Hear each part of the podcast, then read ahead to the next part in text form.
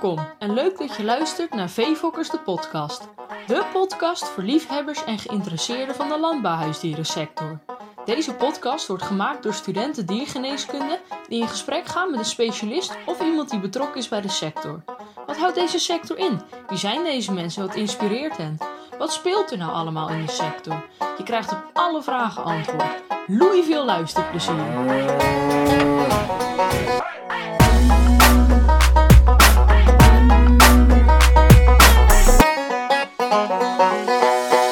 Hallo allemaal en welkom bij onze allereerste Veefokkers de podcast. Ik ben Rianne En ik ben Joni. en vandaag zijn wij eh, bij Mark van der Pol bij de ULP. Hallo Mark. Goedendag. Eh, vertel eens, wie ben jij? ik ben, eh, nou, zoals jullie al zeggen, Mark van der Pol. Werkzaam bij de ULP in Harmelen. En ehm, de ULP staat voor Universitaire Landbouwdierenpraktijk. Ehm, wij zijn een landbouwdierenpraktijk met takken varkens en, en rundvee. Eh, en studenten diergeneeskunde lopen als onderdeel van de studie bij ons vijf weken stage. Dus ik ben eh, naast de dierenarts ben ik eigenlijk ook eh, docent.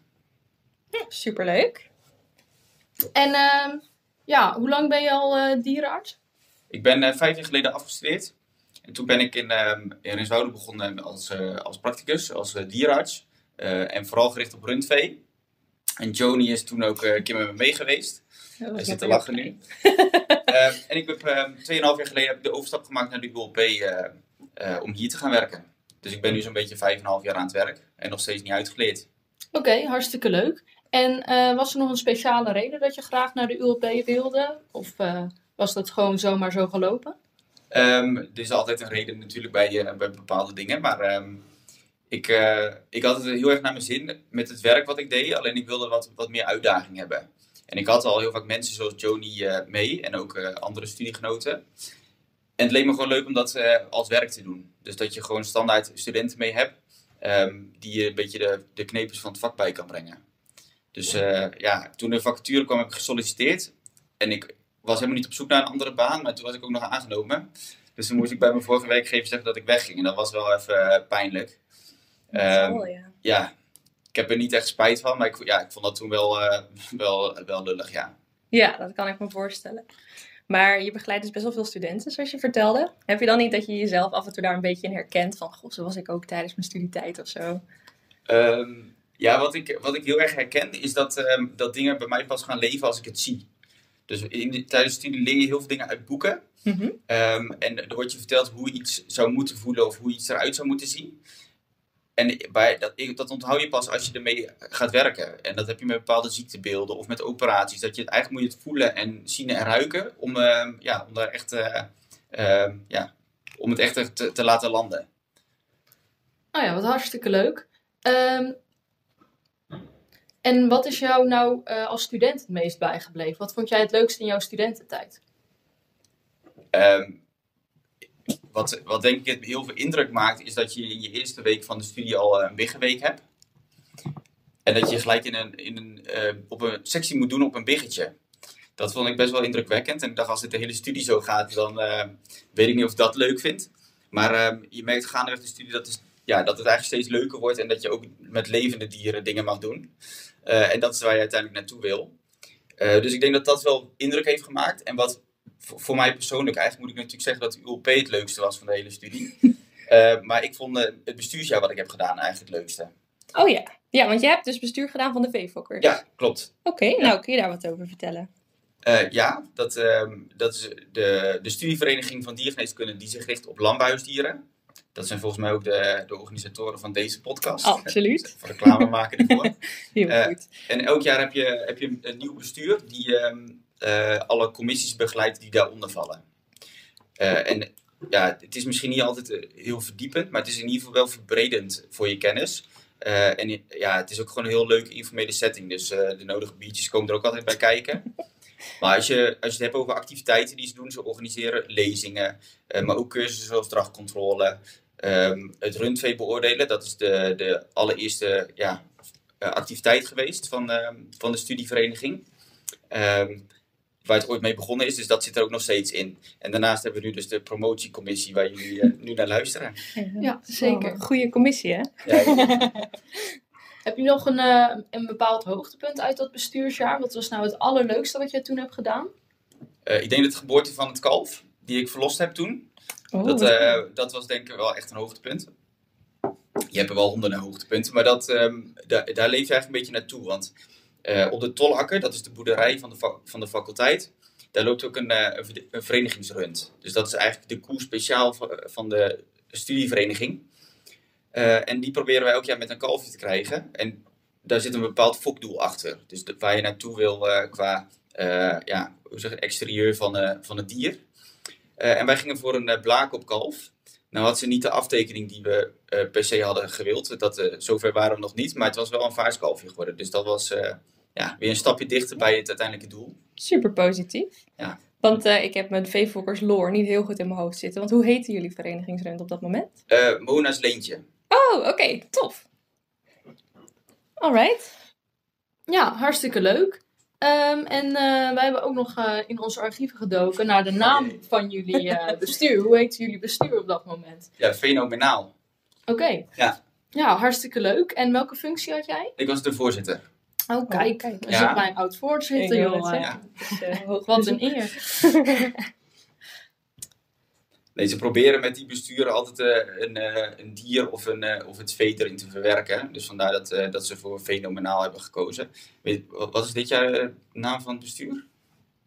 Oh, dat mag.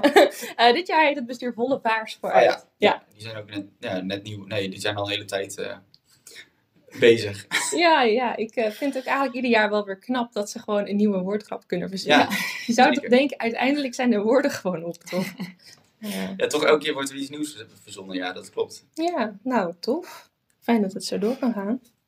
Ja, en nu eh, ben je dus niet meer aan het studeren, maar lekker aan het werk. En Ja. eh, wat is nou het allerleukste wat jij tot nu toe bent tegengekomen in je werk? Een leuke casus of een leuk bedrijf? Iets moois wat je hebt meegemaakt? Ja, ik vond het bedrijf van familie de Recht heel leuk. Oh, oké. Dat op Broekerdijk. Eh, nee, dat is een grapje, want eh, de dochter van de rechter is aan tafel. Ehm, wat, wat, waarbij ik me echt uh, dokter Vlimmer voelde, was toen, we in, ehm, toen ik in een natuurgebied een, ehm, een kalvende koe eh, moest verdoven op afstand. Oh, wauw. Die koe was aan het kalven en de, alleen het, het kopje van de, van de kalf hing eruit.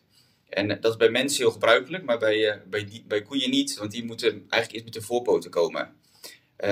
Maar die koeien die zijn dus wild eh, en daar kan je niet makkelijk bij komen. Dus ik moest met een verdovingsgeweer moest ik, eh, achter die koe aan.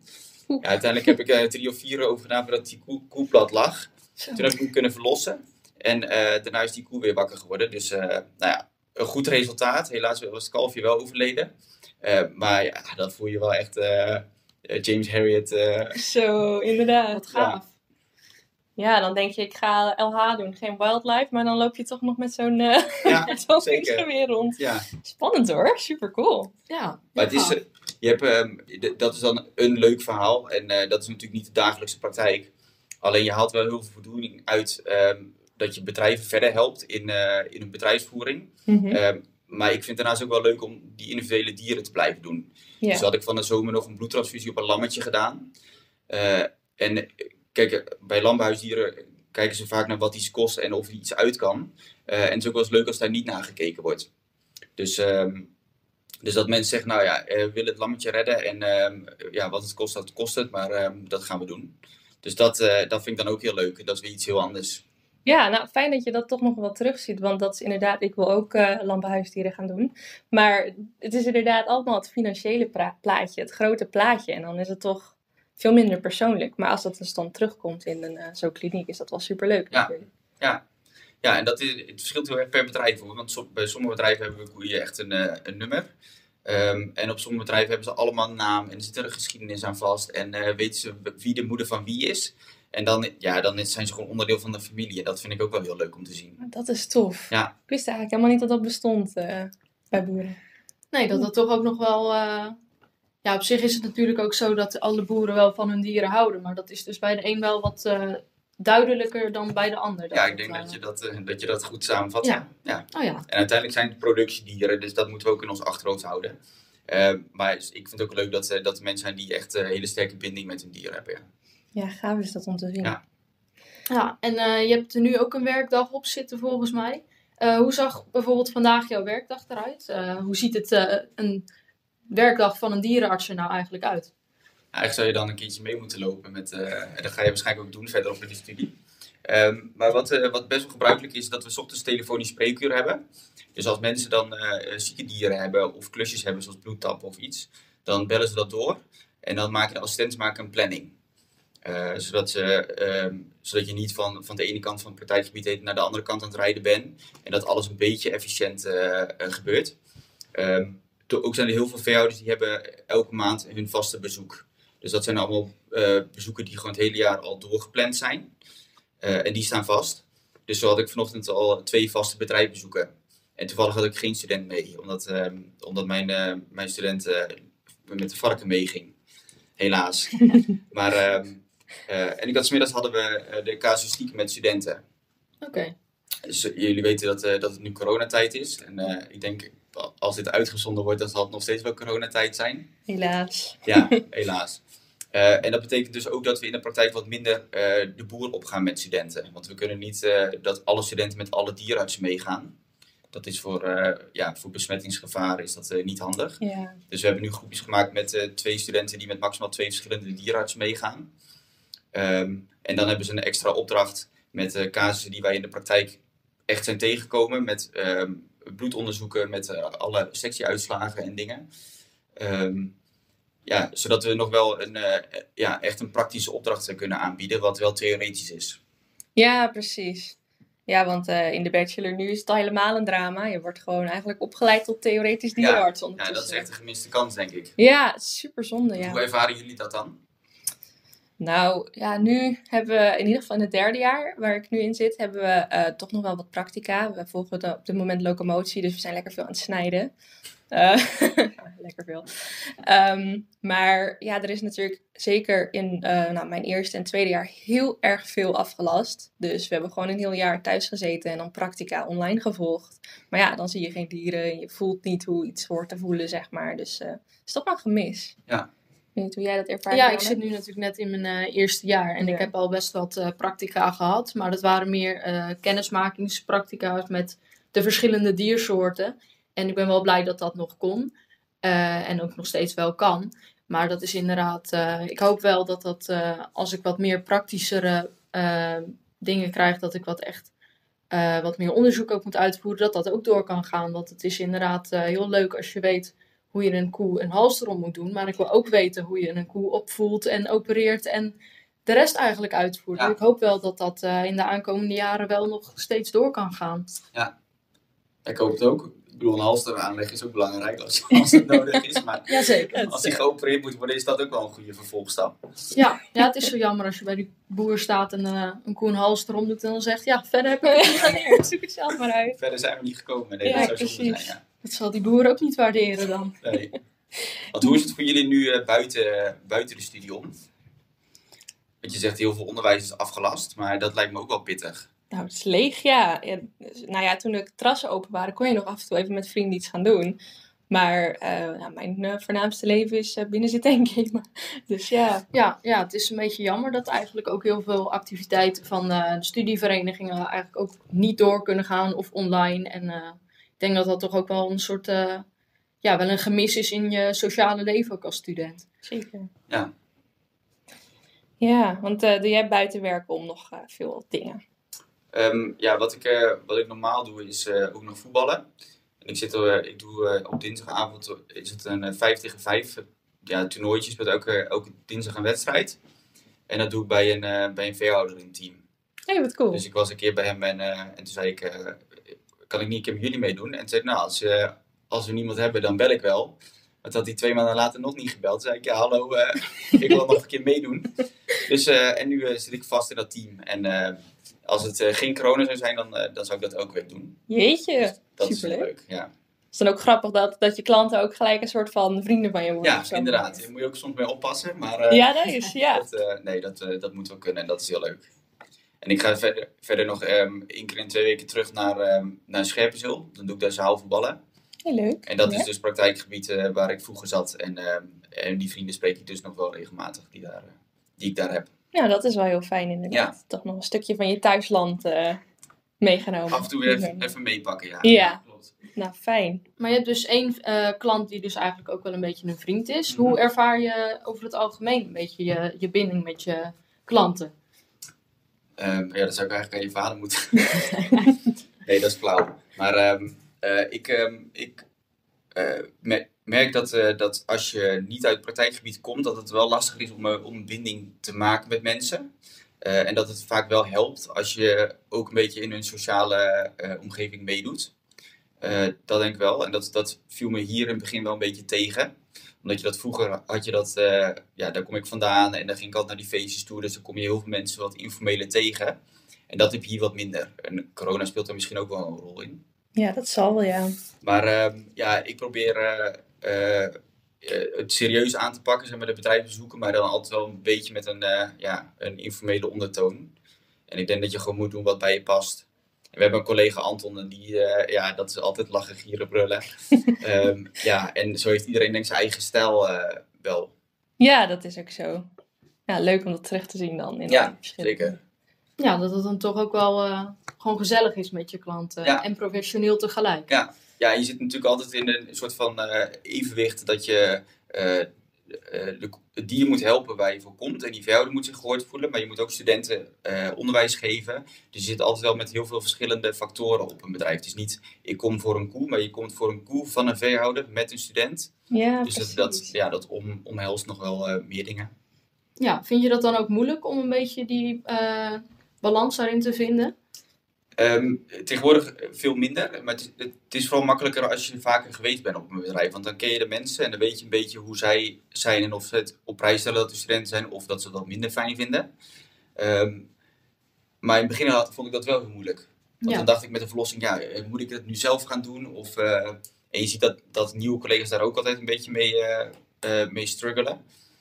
Maar na verloop van tijd wordt het een best wel natuurlijk iets. Ja, Dus ja, dan loopt het eigenlijk wel los. Ja. Ja, fijn dat dat dan eh, toch wel eh, te leren is. Ja, nee, is- ja als, het zou niet goed zijn als het niet te leren is, want dan was ik hier niet Ja, dat denk ik nee. Nee. Nou, grappig. Nou, ik heb eigenlijk een vraag over iets heel anders. Oké, Ja, want ik eh, was een tijdje geleden een beetje aan het zappen, een beetje aan het doen. En toen kwam ik bij het programma Wie van de Drie oh uit. ja. Nou, en toen zag ik jou daar zitten. Maar hoe ben je daar in vredesnaam terechtgekomen? Nou ja, wat vond je ervan, van die eh, uitzending? Ja, ik vond het dus echt heel grappig. Want ja, ik, bedoel, ik weet natuurlijk wel een beetje dat sommigen echt aan het bullshitten waren. En dat jij dan gewoon wel wist wat je aan het doen was. Dus ik vond het toch wel heel grappig om te zien hoe je dan een beetje speelt van... eh, nee, eh, ik ben eh, geen dierenarts hoor. Ja, want even voor de luisteraars die het programma misschien niet kennen. er wordt één iemand met een bepaald beroep of een bepaalde hobby uitgenodigd met nog twee anderen. En dan gaan zij alle drie vertellen dat zij die specialist zijn. En dan heb je een eh, panel dat dan gaat raden wie van de drie nou de echte, bijvoorbeeld veearts is. En eh, daar heeft Mark van der Pol dus eh, aan meegedaan, de poster terug. Kan je daar iets over vertellen? Wat je er zelf van vond en hoe je daar terecht kwam? Ja, zeker. Ehm, ik was er terechtgekomen doordat, doordat de praktijk benaderd was. met de vraag of iemand interesse had om mee te doen. En volgens mij hadden ze een collega van mij ooit bij Willem Wever gezien. En eh, zijn Oh. ze zo bij de praktijk gekomen. Eh, en toen dacht ik, nou, dat lijkt me eigenlijk wel grappig. Toen had ik een, eh, een filmpje van mezelf opgenomen eh, en die ingestuurd. En toen kreeg ik een reactie dat ik, eh, dat ik geselecteerd was en dat ik mijn eigen tegenkandidaten mocht, mocht meenemen. Dus toen had ik even een programmaatje gekeken om even te kijken wat het, wat het inhield. En toen wa- kwam ik al snel tot de conclusie dat ik, dat ik mijn broer wel mee wilde nemen. Omdat, ehm, ja, omdat hij best wel goed mij kan zijn, denk ik. Of na kan doen. Alleen die heeft natuurlijk heel, heel weinig inhoudelijke kennis. En dat zie je ook wel in dat programma misschien. Eh, maar ik vond het wel heel leuk dat hij daaraan meedeed. Eh, en toen heb ik ehm, een veehouder eh, uit mijn vorige praktijkgebied meegenomen, waar ik vroeger ook gewerkt heb. Oké, Dus die, ehm, nou ja, die kende ik gewoon heel goed. En ik wist dat hij best wel makkelijker praten was. Dus ja, dat pakte best wel goed uit. Maar ik vond, wat ik lastig vond van het programma is dat je als enige mag je alleen maar de waarheid vertellen. Dus je zit continu Oh. op, je, op je antwoorden te letten. En die anderen die kunnen gewoon ja, zeggen wat ze willen als het maar een Ja. beetje geloofwaardig is. Dus eh, Oh, Ja. zo. dat, eh, dat eh, wat vond ik lastig. Maar eh, ja, volgens mij is het wel een leuk, eh, leuk programma geworden. Ja, absoluut. je televisiedebuut. Ben je van plan om Ja. nog meer te doen op de televisie misschien? Nee, ja, een podcast was de volgende stap. Ja, Oh, nee, ja. het eh, grootste roem staat je te wachten hoor. Ja. Ja, ontzettend Hartstikke leuk. Ja. Ja, gaaf. En uh, nou ja, dan willen we je eigenlijk nog vragen: heb je nog iets uh, wat je misschien nog mee wil geven aan de luisteraar over de sector of over jezelf of uh, in het algemeen? Um, ja, ik wil nog wel wat meegeven over de sector. En dat is dat ik denk dat, dat we het in Nederland gewoon echt heel goed doen op landbouwgebied. en ik denk dat het een hele belangrijke factor blijft in ons land. En je merkt dat het aan alle kanten getrokken wordt en ehm, dat het soms in een, in een kwaad licht gesteld wordt. Eh, en dat vind ik heel jammer.